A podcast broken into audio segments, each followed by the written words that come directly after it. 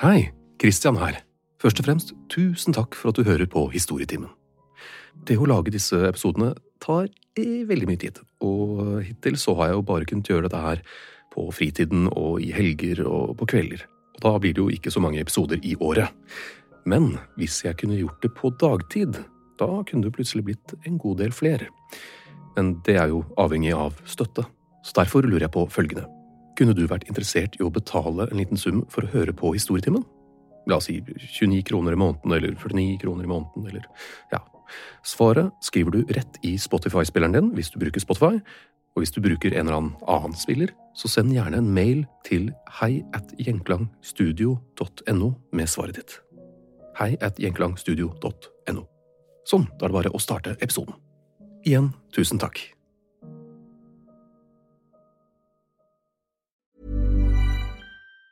Even on a budget, quality is non-negotiable. That's why Quince is the place to score high-end essentials at 50 to 80% less than similar brands. Get your hands on buttery soft cashmere sweaters from just 60 bucks, Italian leather jackets, and so much more. And the best part about Quince, they exclusively partner with factories committed to safe, ethical, and responsible manufacturing. Elevate your style without the elevated price tag with Quince. Go to quince.com slash upgrade for free shipping and 365-day returns. Many of us have those stubborn pounds that seem impossible to lose, no matter how good we eat or how hard we work out. My solution is PlushCare.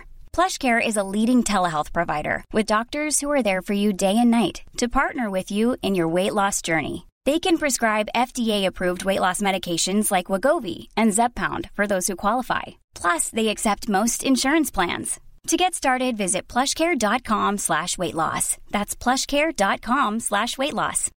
Millions of people have lost weight with personalized plans from Noom, like Evan, who can't stand salads and still lost 50 pounds. Salads, generally, for most people, are the easy button, right? For me, that wasn't an option. I never really was a salad guy. That's just not who I am. But Noom worked for me. Get your personalized plan today at Noom.com. Real Noom user compensated to provide their story. In four weeks, the typical Noom user can expect to lose one to two pounds per week. Individual results may vary.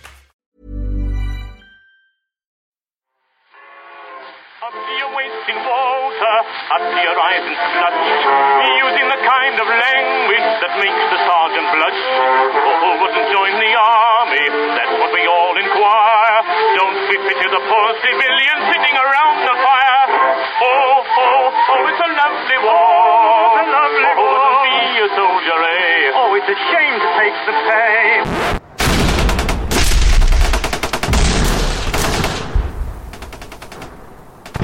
Under første verdenskrig døde rundt 20 millioner mennesker, og om lag 21 millioner ble skadet.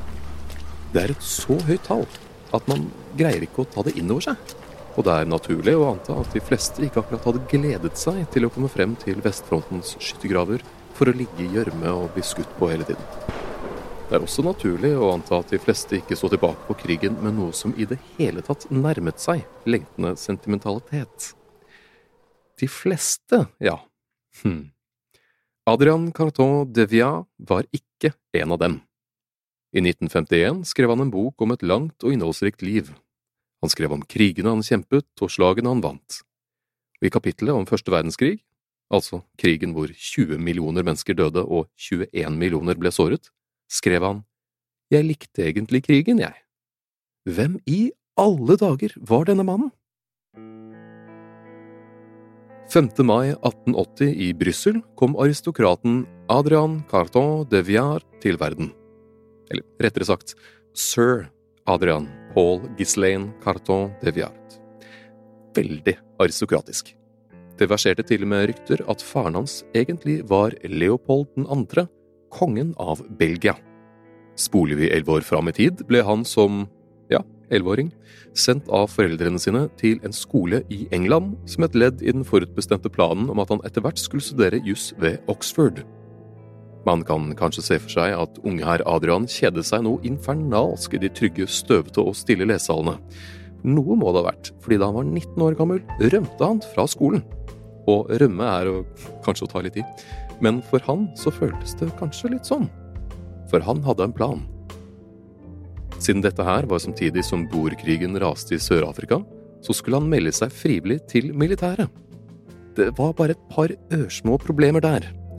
Ikke var han engelsk, og ikke var han gammel nok. Og de hadde nok stusset bitte litt over at en griserik belgisk aristokrat plutselig meldte seg til tjeneste for et annet lands hær.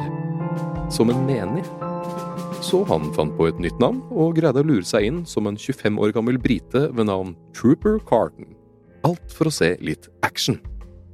Såpass sterkt var ønsket hans at han i memoarene sine skriver Det var da, en gang for alle, at jeg forsto at krig var i blodet mitt. Hvis ikke britene ville ha meg, ville jeg ha tilbudt mine tjenester til boerne. Altså fienden. Da er du ivrig. Vel nede i Sør-Afrika slåss han mot boerne sammen med blant annet Winston Churchill.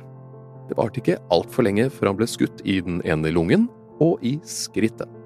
Heldigvis hadde han av en eller annen merkelig grunn på seg susp. For å komme seg til hektene igjen ble han sendt tilbake til England, og da han først var der, gikk han tilbake til skolebenken i Oxford.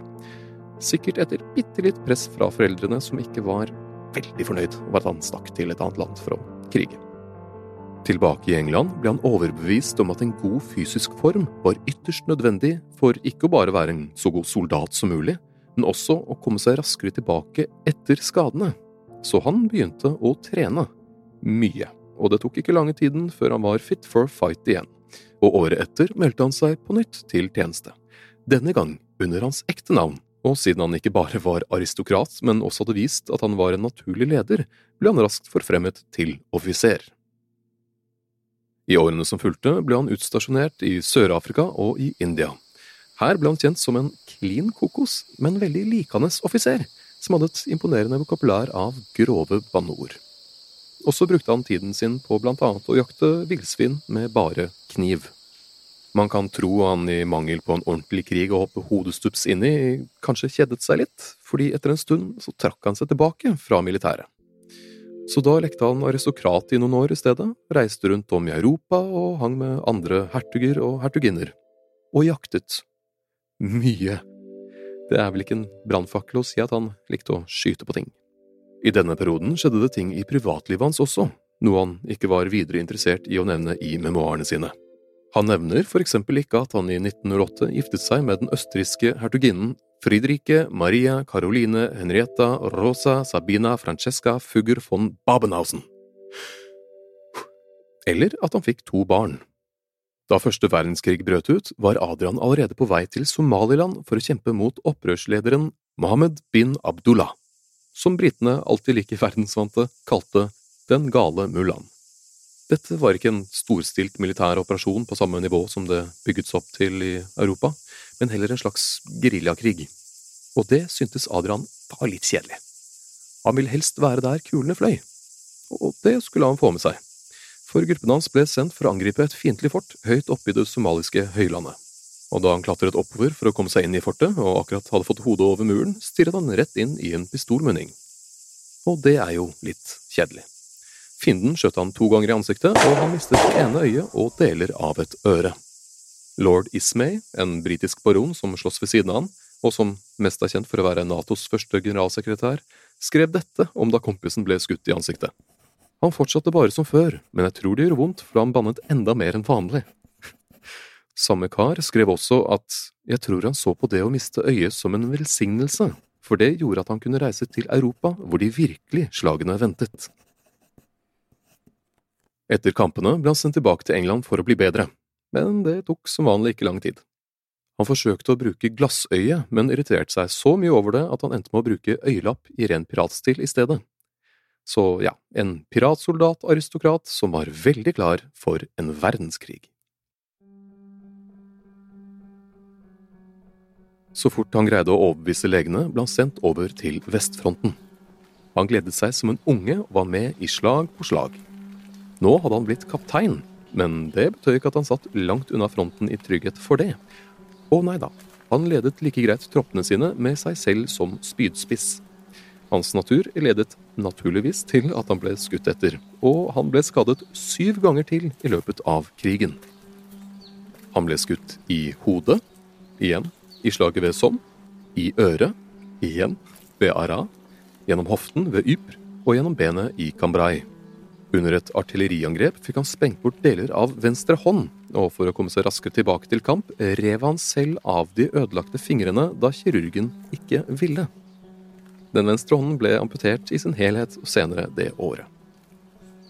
Soldatene hans har fortalt om hvordan han rev ut granatsplinter med tenna, for så å kaste granater mot tyskerne med den ene fungerende hånden sin. I 1916 ledet han regimentet sitt da offiserene i de to naboregimentene ble skutt. Så da tok jo Adrian bare over deres regimenter også, løpende frem og tilbake i skuddlinjen mens han pisket soldatene fremover med gåstokken sin. Bare se det for deg. Du er en ung og naturligvis redd soldat. Og du vet at hvis du krabber ut av skyttergraven din nå, så kommer fiendens maskingevær til å forsøke å plaffe deg ned. Så kommer det en høy, enarmet, enøyd kar med bart haltende bortover og skriker ned til deg og sier at du skal skjerpe deg og ta deg sammen, og at dette kan du klare. Ikke rart han ble beskrevet av sine soldater som eh, elektrisk, og som en person som fikk dem til å føle seg like fryktløse som han selv var. For sin tapperhet her vant han Victoriakorset, den høyeste utmerkelsen du kan få i det britiske militæret. Etter krigen ble han sendt til Polen for å være en slags rådgiver for dem og prøve å hjelpe dem. For Polen var etter første verdenskrig i krig med både Ukraina, Litauen og Sovjetunionen. Og det er litt mye. Etter å ha møtt de ulike fraksjonenes ledere kom han frem til at han ikke likte Ukraina, eller Litauen eller Sovjet. For det første fordi han ikke likte lederne deres, og for det andre fordi de prøvde å drepe ham. Først ble flyansatte skutt ned over Litauen, og etter å ha overlevd det, ble han satt i fengsel. Så, etter han kom seg tilbake igjen til Polen, sendte Den røde armé en gruppe ridende kosakker for å drepe han. Ridende ved siden av observasjonstoget han satt i, skjøt de inn i toget som det skulle vært en scene fra en cowboyfilm. Adrian løste dette ene og alene ved å henge ut av toget og skyte tilbake på dem med en revolver. Med én arm. På et tidspunkt falt han av toget, men greide på en eller annen snodig måte å hoppe tilbake om bord, for så å fortsette å skyte ned angriperne. Hvordan han greide å holde seg fast og skyte samtidig, vites ikke. Kanskje han bet seg fast med tenna. Men han sympatiserte med polakkene, og bønnfalte den britiske regjeringen om å sende støtte. Og selv om planen var at Polen skulle fungere som en slags buffer mot den skumle kommunismen i øst, så var ikke dette nok for britene til å sende offisiell militær støtte. Dette syntes jo ikke Adrian noe om. Så for å hjelpe Polen med våpen, startet han like greit en illegal smuglering som smuglet våpen inn i Polen via Budapest. Etter hvert greide Polen å holde stand mot sine fiender i nord og øst, og vår helt funderte på om han kanskje, ja, skulle trappe ned litt. I sin tid i Polen hadde han blitt kompis med en polsk prins som hadde arvet et nøkternt lite område på størrelsen med øya Bali, da Den røde armé drepte onkelen hans. Og siden de hadde blitt kompiser, så ga prinsen like greit Adrian fri bruk av området. Så han pensjonerte seg tidlig fra militærlivet og bodde der i Polen. Traskende rundt med et gevær på det gigantiske myrdekte området mens han enarmet skjøt fugl. Hver dag, ifølge han selv. I 15 år. Helt frem til 1939.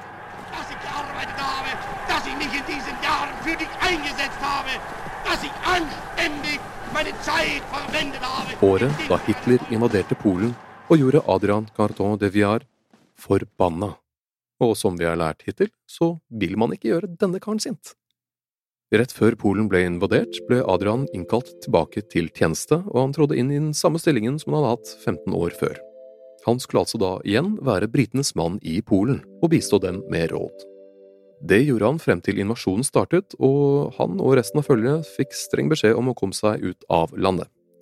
Kjørende i full fart i en bilkortesje ble de skutt etter av Luftwaffe helt til de utrolig nok greide å komme seg til Romania. Fra Romania greide de å fly seg ut med falsk pass. Ja, for ikke at han var en smule gjenkjennelig eller noe. Vel tilbake i England ble han i april 1940 sendt for å innta Namsos Jepp, han var også i Norge. Fra Namsos skulle han lede et koordinert angrep på Trondheim by. Problemet var bare at… ja, at det var mange problemer. Først landet franske alpinjegere i norske snødekte fjell med ski uten bindinger. Så landet britene uten transport, artilleri, flystøtte eller ski i det hele tatt. Ja, på vinteren så lover jo det godt. I tillegg ble sjøflyet som skulle frakte han til Namsos, tvunget til å nødlande i en fjord etter å ha blitt angrepet av et tysk jagerfly. I stedet for å prøve å redde seg selv ved å hoppe opp i en redningsjolle, ventet han heller sammen med sin skadde assistent i flyvraket midt i fjorden, mens det tyske jagerflyet skjøt og skjøt. Hans vel dumdristige plan var å få flyet til å gå tom for ammunisjon, ved å skyte på han forhåpentligvis uten å treffe. Noe han greide. Og da flyet takket for seg og fløy vekk, sendte noen ut en båt for å plukke han opp, og hans skadde assistent ble sendt hjem. Så ja, ting var alt annet enn optimalt. Men han greide allikevel å lede troppene over land og fjell bort til Trondheimsfjorden. Dette samtidig som at Luftwaffe og tyske krigsskip bombet dem, og tyske skipatruljer jaktet på dem. Selv på trygg avstand så forsto de britiske offiserene at dette ikke gikk særlig bra, og fikk etter hvert evakuert troppene tilbake til England. Og Adrian landet på britisk jord på sin 60-årsdag. Etter Trondheim fikk han beskjed om at han var for gammel til å lede fra fronten, noe han sikkert var sterkt uenig med. Men han hadde vist at han var svært dyktig til å hjelpe andre nasjoner diplomatisk. Så da Hitler truet med å invadere Jugoslavia, ba de om hjelp. Og Storbritannia sendte sin beste mann, nå 61 år gammel. Men han kom aldri fram. På en lang flytur rundt Europa, for ikke å fly over steder han kunne bli skutt ned, ble flyet hans skutt ned. Fly, flyet hans krasjlandet i Middelhavet utenfor Libyas kyst. Med over én kilometer til land ventet han og de andre så lenge de kunne på den ene flytende vingen, inntil den også bukket under. Så da var det bare å svømme, da. Ikke bare at det er pes å svømme én kilometer i åpen sjø, men det er enda mer pes når du mangler kroppsdeler. Men det fikk han selvsagt til. Og som ikke det var nok, så hjalp han også en skadet medsoldat med å svømme over. Vel fremme på land dukket italienske soldater opp og arresterte dem for Libya var på den tiden under italiensk kontroll. Så de ble flyttet til Italia og satt i en fangeleir der. Han var faktisk en av de mest dekorerte fangene under andre verdenskrig, så italienerne kunne sikkert ikke tro det de så. Vi har tatt hvem til fange? Og siden han var en høytstående offiser, ble han ikke overraskende ansett som en viktig fange for italienerne. Og han ble derfor plassert i en egen leir utenfor Firenze med andre såkalte viktige fanger. Her ble han raskt populær, og han og den godt voksne gjengen med offiserer forsøkte å flykte flere ganger. En av gangene brukte de syv måneder på å grave ut en tunnel.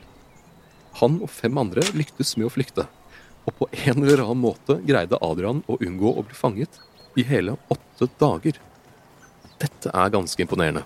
Ikke bare med tanke på at han befant seg midt på landsbygda i Italia, et land de snakket et språk han ikke kunne et kvekk av, men også fordi han hadde kledd seg ut som en italiensk bonde. Ja, og nok en gang, ikke at han var veldig gjenkjennelig eller noe. Hvem ser vi etter? Eh, en høy, haltende kar med ett øye, én hånd, bart og flere arr enn du kan forestille deg. Og så snakker han ikke språket vårt. Så han ble fanget igjen. Men da italienerne i all hemmelighet bestemte seg for at de hadde lyst til å bytte side i krigen, inviterte de ulike parter til forhandlinger i Lisboa. Og hvem tok italienerne med seg for å hjelpe dem i forhandlingene? Adrian Carton de Villar, selvsagt. Han ble først kjørt til Roma, hvor han fikk beskjed om at han trengte sivile klær. Altså, det skulle jo være hemmelig, dette. Problemet var bare at han ikke stolte på italienske skreddere. Men han var storsindig og sa ok, greit, men bare så lenge jeg ikke ser ut som en gigolo. Etter Lisboa ble han løslatt og sendt tilbake til England og nesten umiddelbart sendt videre til Kina for å hjelpe dem i samme kapasitet som da han hjalp Polen. Ikke bare hadde Kina blitt invadert av Japan, men landet var også delt mellom kommunistene og nasjonalistene, to grupper som ikke akkurat så øye til øye. Så da satte Churchill nok en gang sin lit til en viss herremann. I Kina var han i fire år og gjorde det han gjorde best. Han var rådgiver for Chiang Kai-shek, snakket dritt til Mao under en middag og overlevde nok en flykrasj. Så ja, hans standardadferd, altså. Sånn gikk dagene frem til han pensjonerte seg i 1947. Og på vei hjem til England, gjett hva som skjedde igjen? Jo da, han skadet seg. Men ikke like heroisk denne gang, da. Han skled i en trapp brakk ryggen og slo seg selv bevisstløs. Da han ble operert, fjernet legene like greit granatsplinter, kuler og annet metall som hadde samlet seg opp i kroppen hans gjennom årene. Som vanlig kom han seg etter hvert til hektene og slo seg ned i Irland, hvor han 71 år gammel giftet seg med en 23 år yngre dame og levde et tilbaketrukket liv til han sovnet stille inn i 1963. Han ble utrolig nok 83 år gammel. Han var med i den andre boerkrigen, første verdenskrig og andre verdenskrig samt en haug mindre kriger. Han fikk 23 dekorasjoner, inkludert det svært høytsvevende Victoria-korset, samt at han ble Knight Commander of the Order of the British Empire. Nevnte han dette i memoarene sine? Nei. Han giftet seg med en østerriksk hertuginne med verdens lengste navn og fikk to døtre med henne før hun døde i 1949. Nevnte han dette i memoarene sine? Nei. Da han omsider skrev memoarene sine, kalte han opp boken etter den kjente greske forfatteren Homers fortelling Odysseen. Der begir hovedpersonen seg ut på et heidundrende eventyr hvor han må slåss mot menn og monstre i årevis, men lengter hjem til sin kone. Adrian gjorde en liten endring i tittelen og kalte boken Happy Odyssey, for der Odysseus ville hjem, trivdes han. Og så skrev Winston Churchill like greit forordet. Ja, hvorfor ikke? men i motsetning til Nobels litteraturprisvinnende Churchill holdt det for Adrian å bare skrive denne ene boken. Som han selv sa, vi har blitt fortalt at pennen er mektigere enn sverdet, men jeg vet hvilke av disse våpnene jeg ville valgt. Adrian Carton de Viar ble skutt tre ganger i ansiktet, i magen, skrittet, gjennom bakhodet, hofta, benet, ankelen, venstre hånd, venstre arm, og han rev selv av to fingre, for han ville raskere tilbake til frontlinjen. Han overlevde to flystyrt, hvor den ene sendte han i en fangeleir i flere år. Han så ut som en blanding av en James Bond-skurk og en pirat, og var sett opp til av historiske skikkelser over hele verden. Fra Churchill til Chiang Kai-shek, fra paven til konger og fyrster i alle mulige land.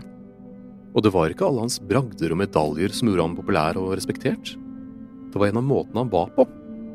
I stedet for å sende soldatene sine foran seg, gikk han først og sa følg meg. Han var en rakrygget aristokrat som var like populær blant verdens mektigste som han var hos en vanlig soldat. Han var en sjarmerende eksentriker i besittelse av en fascinerende stor katalog av kreative banneord. Han var en leder som ledet med eksempel. En soldat som sloss seg gjennom kontinenter med hodet først. Enten så hadde han utrolig flaks, eller utrolig uflaks. Litt uvisst, det der. Uansett så var han en mann som rett og slett nektet å dø.